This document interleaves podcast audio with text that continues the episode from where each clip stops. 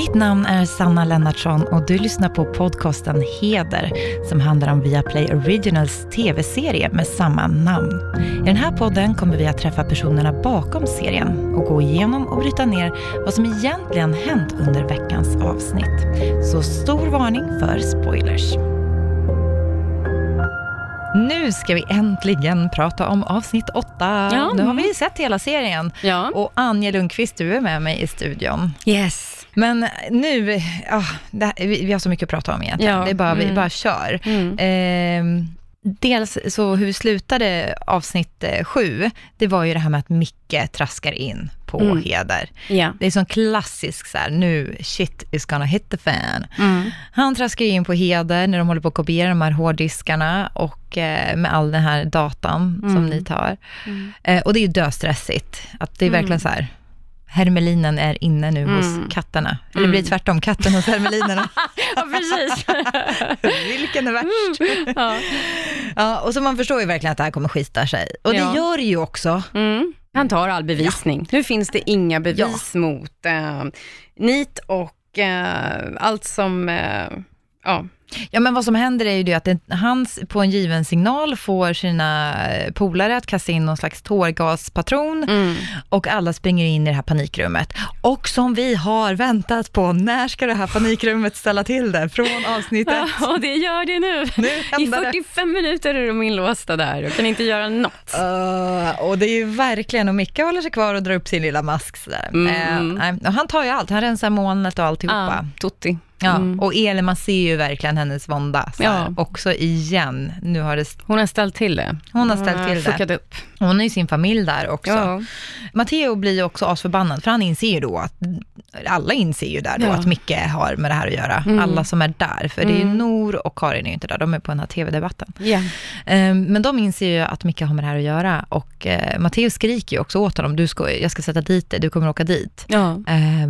Men vad Micke då säger, det är ju att men då kommer Janni också åka dit. Ja, precis. Vi har ju gjort eh, det olaga intrång på serverhallen till Mm. exempel. Det finns massa saker som vi har gjort som, ja, som jurister inte ska göra. Men kollade ni med någon då, just kring det där? För jag kan också känna så här, vad väger tyngst? Kanske det är värt, Janni kanske hade sina skäl och kanske får någon så förlindrade men, omständigheter. men, eh, men å andra sidan, eh, så fort heder rör sig mot någon form av eh, eh, att anmäla saker och så vidare, så riskerar de ju alltid att bli eh, utredda själva. Och hur mycket vill de att man ska hitta och så vidare om dem. Samtidigt så märker vi också att det här med 1991 Mm. får ju lite av en ett avslut. Vi ska komma till det. Först vill jag ta upp det här med tv-debatten. Mm, mm. Igen ser vi ju då, här får vi se ganska mycket egentligen av eh, Erik Asp och vilken Ja. typ av person han är. Schleimuk, ja. Ja, en riktig schleimuk. Mm. Och det roliga är, det här berättade faktiskt Alexandra Rappaport för Mm, mig, mm. att han inte alls är en schleimuk i verkligheten.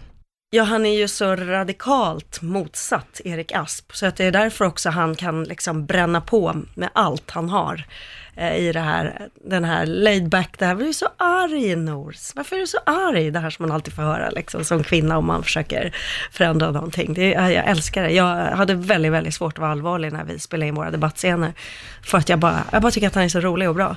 Nej, men han är ju en helt eh, genial, underanvänd eh, skådis, Mm. tycker jag. Sen är han regissör och, och jobbar på Dramaten jättemycket. Men just i, eh, jag såg honom spela en ond, ond i den här anno 1700 någonting, kommer du ihåg? Ja, just det. Den med Peter Eggers Ja. och ehm, den serien om, från- som han, och ju SVT-drama på 1700-talet. Ja. Eh, där spelar han en barnhemsförståndare från Skåne som var så jävla vidrig. Och jag insåg liksom, det är ju engelsk klass på den här människan, Ja, men vad roligt. jag. ah, men han Mm. kanske s- kan vara lite framför kameran lite mer då? Ja, eller? det tycker man. Det tycker Ja, det, Mm. det uppmuntrar vi. Man är skådespelare i grunden, så Ja. att regin har ju kommit sen. Ja, ja men precis. Och han Mm. skriver väl mycket pjäser Mm, också, vad jag ja. förstår. Nej, för bland annat Dramaten. Mm. Ja. Så att, eh, gillar man honom kan man ju då också gå och kolla på hans pjäser. Mm, precis. Stötta honom den vägen. Men vi vill gärna se mer. En riktig schleimuk och det är så himla intressant hur det här liksom, eh, lugnet han har. För det kom ju också in på att Nor outar ju Mm. att de har de här bevisen mot honom lite i förtid, vet ju Mm. vi, eftersom Mm. hårddiskarna samtidigt blir plockade Ja, från precis. Så kontoret. hon, det finns ju inga bevis längre och hon har outat det. Ja, men han är ändå så här, står ju där kolugn. Det är som Mm. att han liksom in i det sista, även Mm. fast man förstår att han har med det här att göra, han borde vara jättenervös. Mm. Han rör inte en fena. Nej. Han bara pressar på. Snacka om härskarteknik. Ja, verkligen. Studie i härskarteknik. Verkligen. Eh, Så att det är ju lite intressant att jag tycker att ni faktiskt har en mini-plott, eller en liksom minibåg, eller vad man ska säga, i det här sista avsnittet. Man tänkte Mm. att nu skulle det lösas upp det. Nu har vi hämtat de här hårddiskarna, nu håller vi på att kopiera över Ja, dem. precis, och så är de borta. nu går vi i mål och sen bara, jaha, nu Mm. försvann de. Så det är lite av en sån här curveball, Mm. kan jag tycka. Och inte helt förvånande, med tanke på att det är heder. Nej, Så att hade det varit en bara ett avsnitt som hade knutit ihop tycker säcken. de är klantiga? Nej, men hade det bara knutit ihop säcken så hade det kanske blivit för tråkigt. Ja, kanske. Jag kan tycka som tittare att ibland så här, när man kollar på en serie som man tycker väldigt mycket om och så kommer man till sista avsnittet så ska det bara liksom lappas ihop och få saker och ting att fungera. Så är det ju inte med det här avsnittet. Nej, det är det inte. Det finns ju många repändar kvar som inte har knutits ihop någonstans. Mm. Och det, ja, precis. Och det finns många som, som faktiskt ligger öppna för en potentiell andra Mm, säsong. Vet du vad jag har varit idag? Idag har jag varit på möte med en massa författare om en eventuell säsong två. Åh, vad Jag har hört spännande. så många spännande idéer. Så vi, nu håller vi tummarna. Då hoppas jag att det kommer involvera Klas. Mm. För Klas kommer ju tillbaka här. Ja. Och eh, mamma Birgitta eh, är liksom mer patronizing än någonsin. Eller matronizing. Matronizing, ja. Mm, Mer ja. matronizing än någonsin. Mm. Ehm, så att det där hotet från Karin, det kanske inte betydde så mycket då. Nej, vi får se. Mm. Så att han hoppas jag vi, för han eh, kommer tillbaka, men det är också den lilla blinkningen vi får. Mm. En annan person som jag tycker är jättespännande, Mm. som, jag har, som har vuxit, Mm. spänningen kring har vuxit med, det är ju eh, Robert. Ja. Han eh, är ju en loose cannon. ja, verkligen. Det, det, det bubblar i honom av, av förorättelse. Ja, han är jag vet-. Alltså, Mm. det är precis, det är som så här, hans kärl, kärleken, känslolivet och hans, Mm. hans känslor ligger väldigt nära varandra. Och hans självbild, hans nya självbild nu som eh, har tagit itu med sitt förflutna som kriminell, missbrukare, allting. Och då passar det inte in i hans världsbild. Varför står du här och är rädd för mig? Är du rädd för mig? Du kan ju inte stå där och vara rädd för mig. Du visste vad du gav dig in på. Gör honom så rasande. Är att han inte märker sin egen aggression, att bara den är skrämmande. Eh, för att han är så förorättad, så som han har jobbat med att kontrollera dessa känslor. Det blir så, ja, precis, det blir så sårande att Ja, ska, han, han blir så kränkt. för han, precis som du säger, att han har jobbat med det så otroligt Mm. länge och sen är det Och så någon som hårt, tar upp det. säkert. Det- Så, så är det någon som... En akilleshäl hos honom. Mm. Och han är ju en liten eh, creepy guy. Han eh, har ju dels gjort en tatuering på armen av Karins pussmun, Ja. men han har också installerat kameror i hennes lägenhet. Ja. Han är också kompis med Micke. ja. Ja, det är Mm. geggigt. Alltså Mm. han, han tror jag, han vill jag se mer av och få Mm. lite mer grepp om honom. Men tillbaka till det vi faktiskt får svar på. Ja. Eh, det här 1991, till slut så kommer de ju till en punkt Mm. där de känner att de kanske ska prata om det. Det börjar ju med att Nor ändå, Nor vill ju helst inte prata om det Nej. in i det längsta. För hon träffar ju den här reporten först och liksom säger att jag har saker, jag har bevis, men ge mig tid. Mm. Eh, då får du inte skriva om det här 1991. Mm. Men till slut så bestämmer väl liksom majoriteten ändå att vi kanske bara får möta Olle grind. Alltså Ja. vi får liksom, Mm. Vi får, eh, det är det enda de har på oss. Ja, och det de kan göra det är att det finns ju möjlighet att, möjligheten är ju att folkdomstolen då, om man nu säger så, att äh, media och folket kanske ändå ser dem som offren. Mm. Jag tyckte det här länge. De kunde ha Ja. ringt mig i avsnitt två eller tre. jag tyckte att de ska, när folk började dö, Mm, då, då kände jag att nu har ni... passerat en gräns. hörni. Nej, men eh, så att man vet ju inte hur vindarna ska blåsa när saker kommer fram. Nej. Och det vet vi faktiskt, på sätt och vis vet vi faktiskt inte hur den här folkdomstolen kommer att agera Nej. heller. Och, och media har ju ofta en dramaturgi som de följer. Man höjer någon, så sen sänker man dem. Ja men så är det ju, alltså det är ju en slags, eh, Mm. precis som Så allt jag annat. menar, de skulle ju kunna lyfta heder nu och sen i nästa sekund sänka dem. Vi vet inte, eller tvärtom. Det är ju någonting Alltså- när någonting är hett, alltså Mm. när en person eller ett ämne är på tapeten, Mm. då vill man hitta minsta möjliga. Mm. Är det någon som framställs väldigt bra, då vill man hitta något som någon annan inte har och så vidare. Man kan ju dra en parallell. Eh, parallell, jag säger alltid parallell, men det heter parallell. Mm. Och man kan dra en parallell, parallell En parallell. till metoo. Eh, först var det bara ett frosseri i historier. Media dök rakt in i det, tog emot eh, massa metoo-historier. Sen så kom en slags backlash, då man sökte reda på, ha, ha, ha, är det verkligen sant det här? Och metooandet, och han har metooats, och det är synd om honom. Alltså att det, det, Ja, det är många aspekter där, för det är ju också så här att man liksom rycks med. ja. Eh, jag kommer ihåg den här Coney-kampanjen också. Det var någon, någon kille i USA som gjorde en videokampanj. Mm. Och det spreds, det var liksom det mest virala klippet. Folk spred det på Facebook överallt, Mm. överallt. Och sen visade det sig att det fanns ganska mycket i den här killens bagage. Han hade någon organisation som jobbade mot barnsoldater i Kongo. Mm. Eh, och ville liksom sprida kunskap om den här Coney. Men alltså, och det är samma sak som du säger med metoo, att, att man rycks med av Mm. att man ser det in, initiala syftet. Mm. Och sen så måste man vara nyanserad. Men man får inte bli nyanserad på ett sätt som sen heller blir fel åt andra hållet. Mm. För det tycker jag vi såg i metoo, att man, Mm. Mm. man upplevde att, att helt plötsligt skulle man prata om det motsatta, fast Mm. och ta lite vikten ifrån det som faktiskt var Ja, eh, ja väsentligt. verkligen. Och, och det är ju sånt som, det är sånt som vi inte vet hur vad kommer hända med heder, för de är ju mediala. Mm. Det finns ju en inspiration från Matsi Fritz firma och det här. Och hon har ju också blivit neddragen Mm. mm, och granskad. Och det ska man väl bli också. Jag menar, är man där framme så är det så. Mm. Och eh, heder har ju faktiskt ett förflutet. Men det är det jag gillar med Heder någonstans där också, att de visar sig nu när de äntligen bestämmer sig för att visa sig lite sårbara. Men med det sagt, vi vet inte hur det hanteras. Harald, Karins man, Mm, mm. han är väl någon slags eh, politiker. Ja, precis. Mm. Hur ska detta drabba honom? Och mamma också. Det, Mm, det är nästan mm. värst för Karin tror jag. Mm. Eh, ändå var hon ganska Ja, kanske. Eller Mm. värst, men ja, Nour är ju också den offentliga personen som får ta kanske mycket. Det som jag tror att eh, skrämmer dem alla, det är väl att förlora möjligheten att jobba med det som de älskar.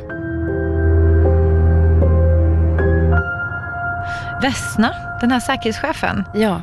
hon, eh, de försöker ju gå på henne för att få lite få tillbaka det här materialet. Mm. Om hon kanske har någonting och hon vill ju inte veta av, herregud, Janni har stått med en kniv mot hennes ja, precis. strupe. Och hon är hotad av Erik Asp.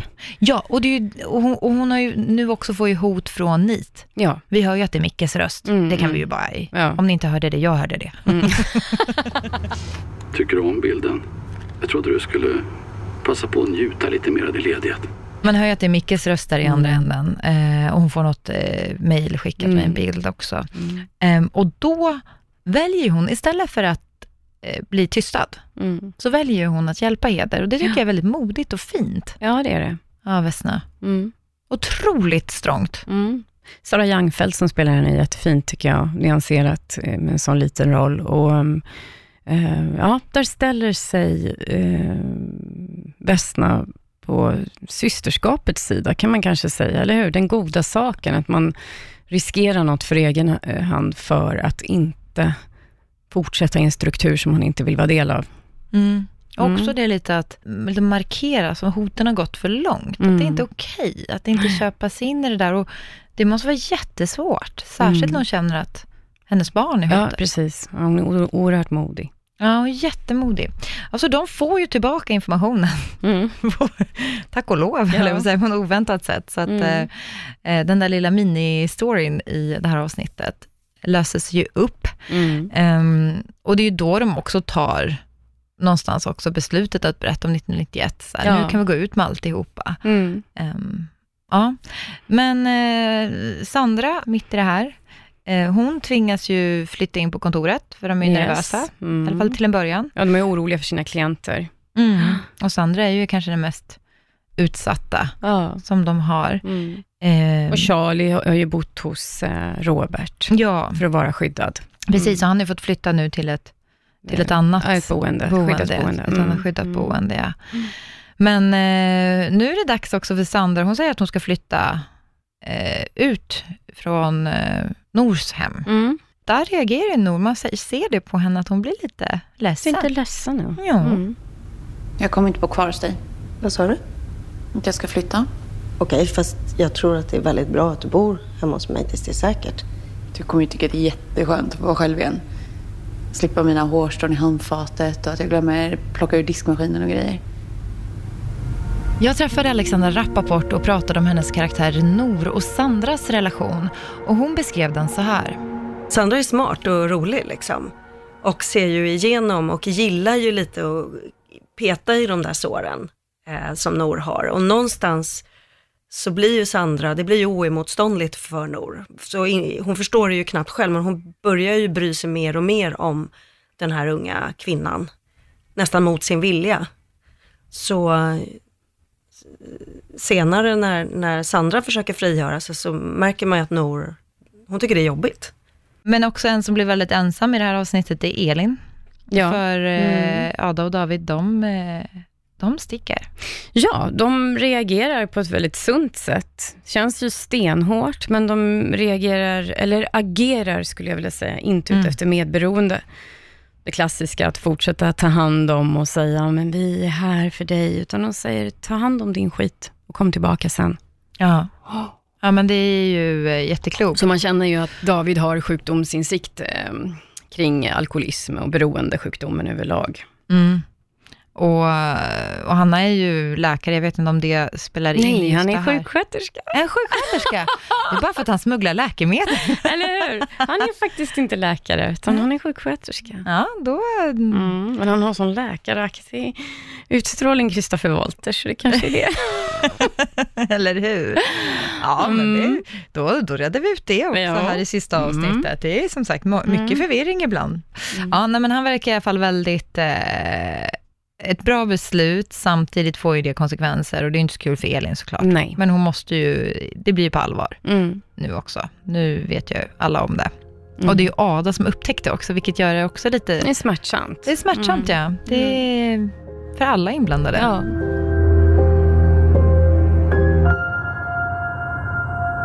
Den här graven, när liksom vi ser att eh, de, har, ja, men de har pratat ut om eh, 1991. Eh, Erik Asp blir också gripen. Yes. Alltså Mm. också så här, första gången han förlorar. Mm. Han har haft det där Han blir så sur. Ah. Ah, ja, det är roligt. Ja, men liksom själva den re- reaktionen, Mm. så här, hur det håller i sig så Mm. länge, att han är Mm. så självgod Ja. så länge och sen Mm. bara switchar det. Ja, det är, det är Mm. kul. Det är Mm. kul att se och det är så skönt att kunna se Nor också, bara, Ja. äntligen bara yes. Triumfera. Ja. Men, men efter det så börjar vi se lite så små äh, fragment kring saker. Bland annat ser vi eh, Nor som besöker den här graven. Ja. Och det är också en av de, de kanske underliggande bågarna, som jag vet att Mm. ni kallar det ibland Mm. i, i er bransch. Mm. Eh, men en av de underliggande story eller plottarna som, som jag har haft svårt att fånga upp. Och det Mm. kanske har varit meningen. Men den här båtolyckan som nämndes ganska tidigt i Mm. serien, då en familj omkom, Mm. då ett tag trodde jag att det kanske var Nors familj. Att Ja. hennes familj, alltså hennes föräldrar, syster och sådär. Det tänkte jag ett tag, eller kanske något syskon och så. Sen så förstod jag kanske att hennes familj alltså verkade vara kanske från en mer konservativ bakgrund och att det var de aspekterna som gjorde att hon inte hade kontakt med sin familj. Men det förvirrade mig lite och där höll ni oss tittare på halster ganska länge Mm.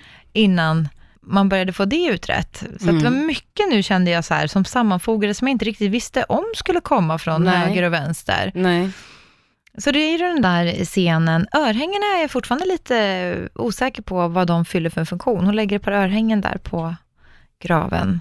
Så, att, eh, så att det är ju lite förvirrande, men vad vi sen får veta, det är ju, vi går in på, jag tycker vi går in och pratar om vad som hände med Pierre. Mm. Mm.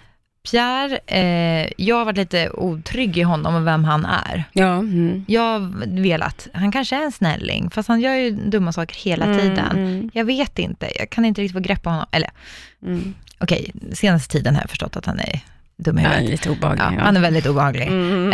Eh, men eh, man förstår ju nu verkligen att han är ett svin. Man får också Ja. se honom ut och agera mot sin fru. När, Ja, precis. Alltså, tydligt, om man Mm. inte hade uppfattat liksom, Mm. tidigare. Och men han får ju då ett bud Mm. som han öppnar. Yes.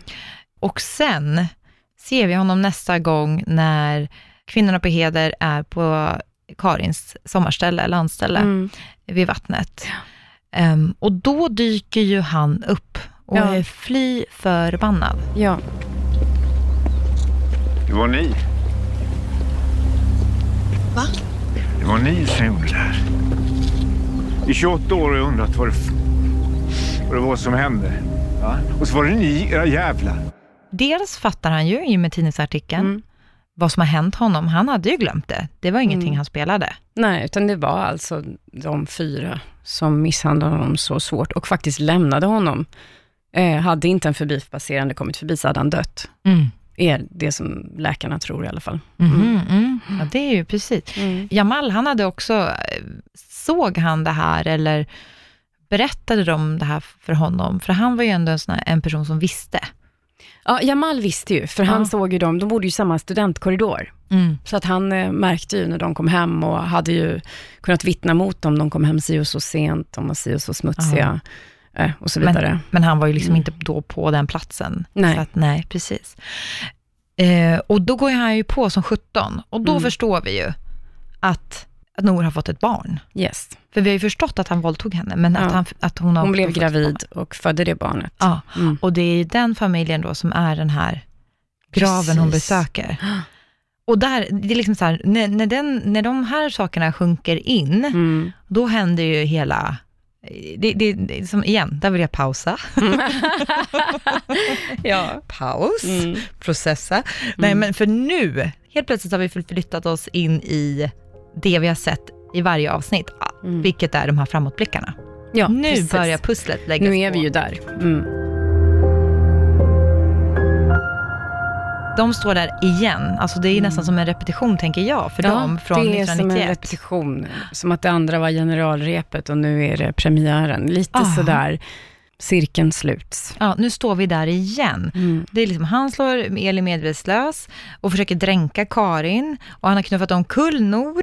Mm. Eh, och sen försöker då Janni rädda Elin som ligger och flyter i vattnet. Mm. Eh, och Nor försöker rädda Karin. Genom att hon får tag på den här spaden som hon slår i huvudet på Pierre. Och sen Ja. slår hon och slår och slår. Ja, och han tuppar jag. Och Så- Janni får upp eh, Elin och börjar göra hjärt-lungräddning. Ja, Och sen har vi också sett att Elin då tippar en bil över en bergskam, eller hur? I det. för, i förgrejerna och att, att det finns en aftermath och att de städar. De bränner också ett lik. ja, det här med bränna liket, ja. jag Så vi har glömde ju bort sett det att där de med har bilen. städat upp efter sig också. Precis, de har ju liksom tagit den här säcken på något bål och gått. Ja, Ja, så det är inte så att de, de har slagit ihjäl honom och sen ringer polisen i slutet på säsongen, utan vi har även fått reda på att de städar undan spåren efter Pierre. Ja, nej, det är, precis det förstår vi. Men bilen glömde jag faktiskt bort, så det kan Mm. vara bra att komma ihåg. Ja, för det kan det sån- vara inför säsong, eh, den ligger där på Det är en stor sak att hitta. på- Om man... Mälarens botten någonstans. Men hade det varit Game of Thrones här nu, eller någonting, Mm. någon annan sån här, då hade ju, just den kanske jag ska säga, Då hade det kommit en drake där. Nej, då hade det kommit en drake Ja. som hade bränt ner Mm. alltihopa. Mm. Nej, men då hade ju Elin dött. Ja. Mm. Då hade inte hon levt. Nej, precis. Det Men här tar vi inte livet av våra huvudroller. Inte i säsong ett i alla Ni ändå- fall. Vi får se hur det blir sen. Jag tänkte säga, ni hade fantiserat om det där. Inte ännu. Ni tog ändå steg, ni har ändå tagit steget med Marre och Jamal och Isabelle, så att ni har ju Mm. vågat lite. Mm. Men det hade varit lite, nej, Mm. jag, jag gillar ju alla fyra, det hade Mm. varit jättesorgligt. Mm. Men någon annan säsong? Om någon får ett jobb i Hollywood, då kanske den dör redan i avsnitt ett i säsong två. Ja, men man kan ju fortfarande vara med i teamet och jobba bakom kameran, tänker jag. Mm. Men ni, ni, håller, ni håller på the good guys. Mm. De är i alla fall ur gänget. Mm. Så det händer ju sjukt mycket där, men den största, det är ju det här med Sandra. Och helt plötsligt blir det ju en hel sjuk aspekt också i det här med hur hon, alltså, Hur hon skaffade DNA från skaffade sin DNA. egen pappa. Har vi setts förr? Nej, jag tror tyvärr inte det. Jag gillar tyvärr inte söta drinkar så tack. Vad gillar du då? ja. Hon låg ju alltså då med, eh, med honom. Och var för medveten få- om det. Ja. Och, ehm, Och att hon tog blodet från Nor. ja, Helt plötsligt förstår man det. ja, så nu har ju hon gjort testet och det är ju hennes föräldrar. De har ju svikit henne. Man undrar ju hur hon har fått reda på det Mm, från början. kan man undra. Sen har hon ju såklart förmodligen kunnat få mer information från Jamal. Ja, precis. För att hon tog ju kontakt, det Ja. var ju hon som tog Mm. kontakt med honom och Mm. låtsades att hon var Pierre. Mm. Men någonstans måste hon ju, det kanske var när familjen dog Ja. och var hon inblandad i det? ja, precis. Om de här Var hon- övergreppen stämde? Var hon inblandad i den dödsolyckan? Eller hade hon bara tur som överlevde? Men Ja. varför plockades inte det upp i artikeln då, att en hade överlevt? eller? Precis. Så det är mycket, mycket frågetecken fortfarande kvar kring det här. Ja, jag frågade faktiskt Julia förra avsnittet av Mm. den här podden och så sa jag det, kommer vi få svar på allting? Och då sa hon Mm. ja. Det kan jag säga, nej Julia. Nej, jag håller In- inte med Julia. inte riktigt. Herregud, nej. Inte riktigt Inte har vi fått svar på allt. Det Nej. ligger massa lösa repändar kvar, tycker jag. Däremot har vi ju fått chockerande svar, kan man säga, om Sandra, vem hon är. Ja. Ja, och det blir liksom, det är som att, kanske, alltså man kanske inte tittar om serien, men helt plötsligt är det så många scener man ser med ett nytt ljus. Det hon har Och- gjort. Ja, det är sant. Och sen också, det som det finns grogrund för också här nu, var, vem gjorde vad här nu? Ja, Eller, eller hur? Det, det kan man sakna lite i säsong ett kanske. Jag personligen saknar em, lite det här skuldfrågan mellan dem. ja. Jag gjorde det här för dig Nor. Jag har dö- dolt hela mitt liv att du blev våldtagen för din skull. Vem slog med spaden nu? Var det Nor bara eller är det något vi inte har fått se?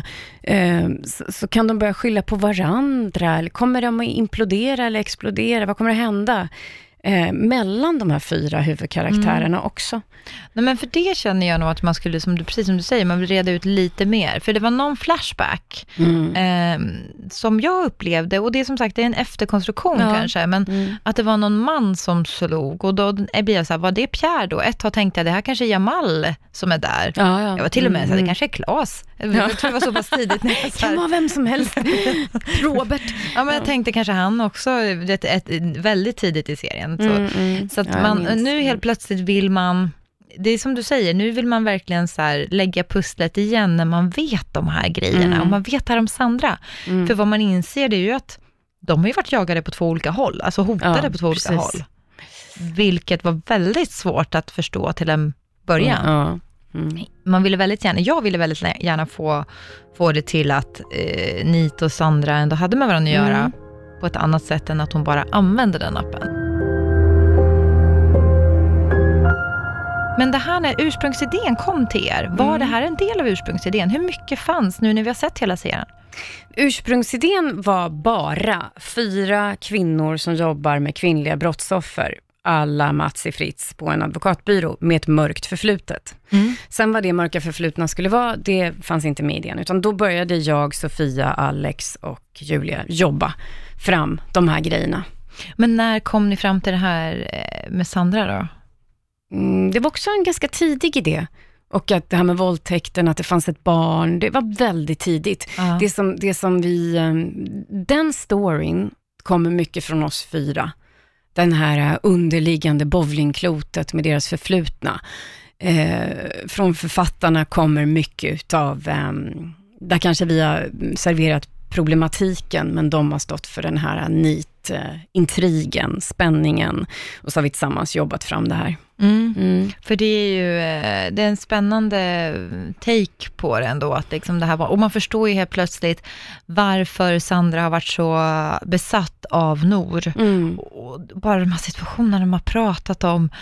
Hur, alltså, Ja, ja, det är ju hennes mamma. Och, Hon ja, har ju suttit och tittat på sin mamma och vetat det hela tiden. och de kommer så lägger sig i soffan Ja. bredvid. Alltså bara de här ligga här och sova? Ja. Mm. Nu vet jag inte riktigt vem Sandra är, för att hon har sån Nej. dubbel natur. Mm. Men det är ändå... Det är berörande. Ja, det är så Mm. rörande.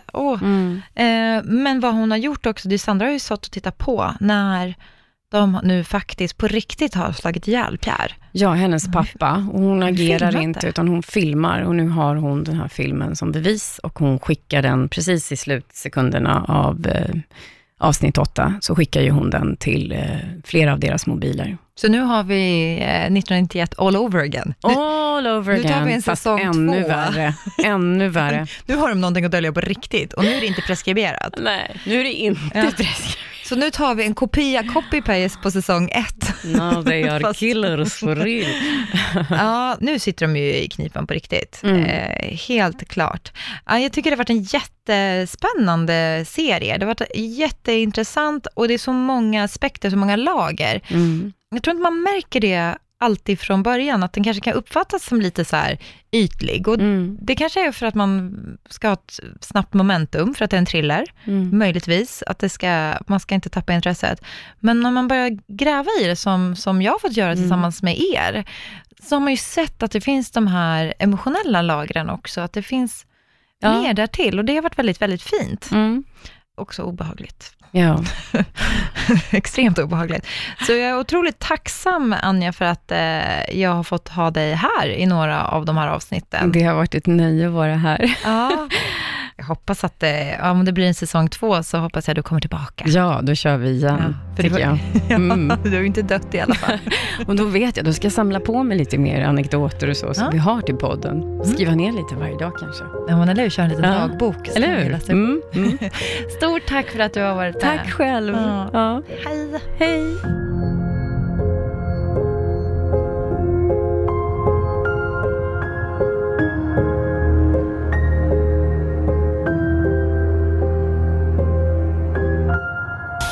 Produceras av I Like Radio. I like radio.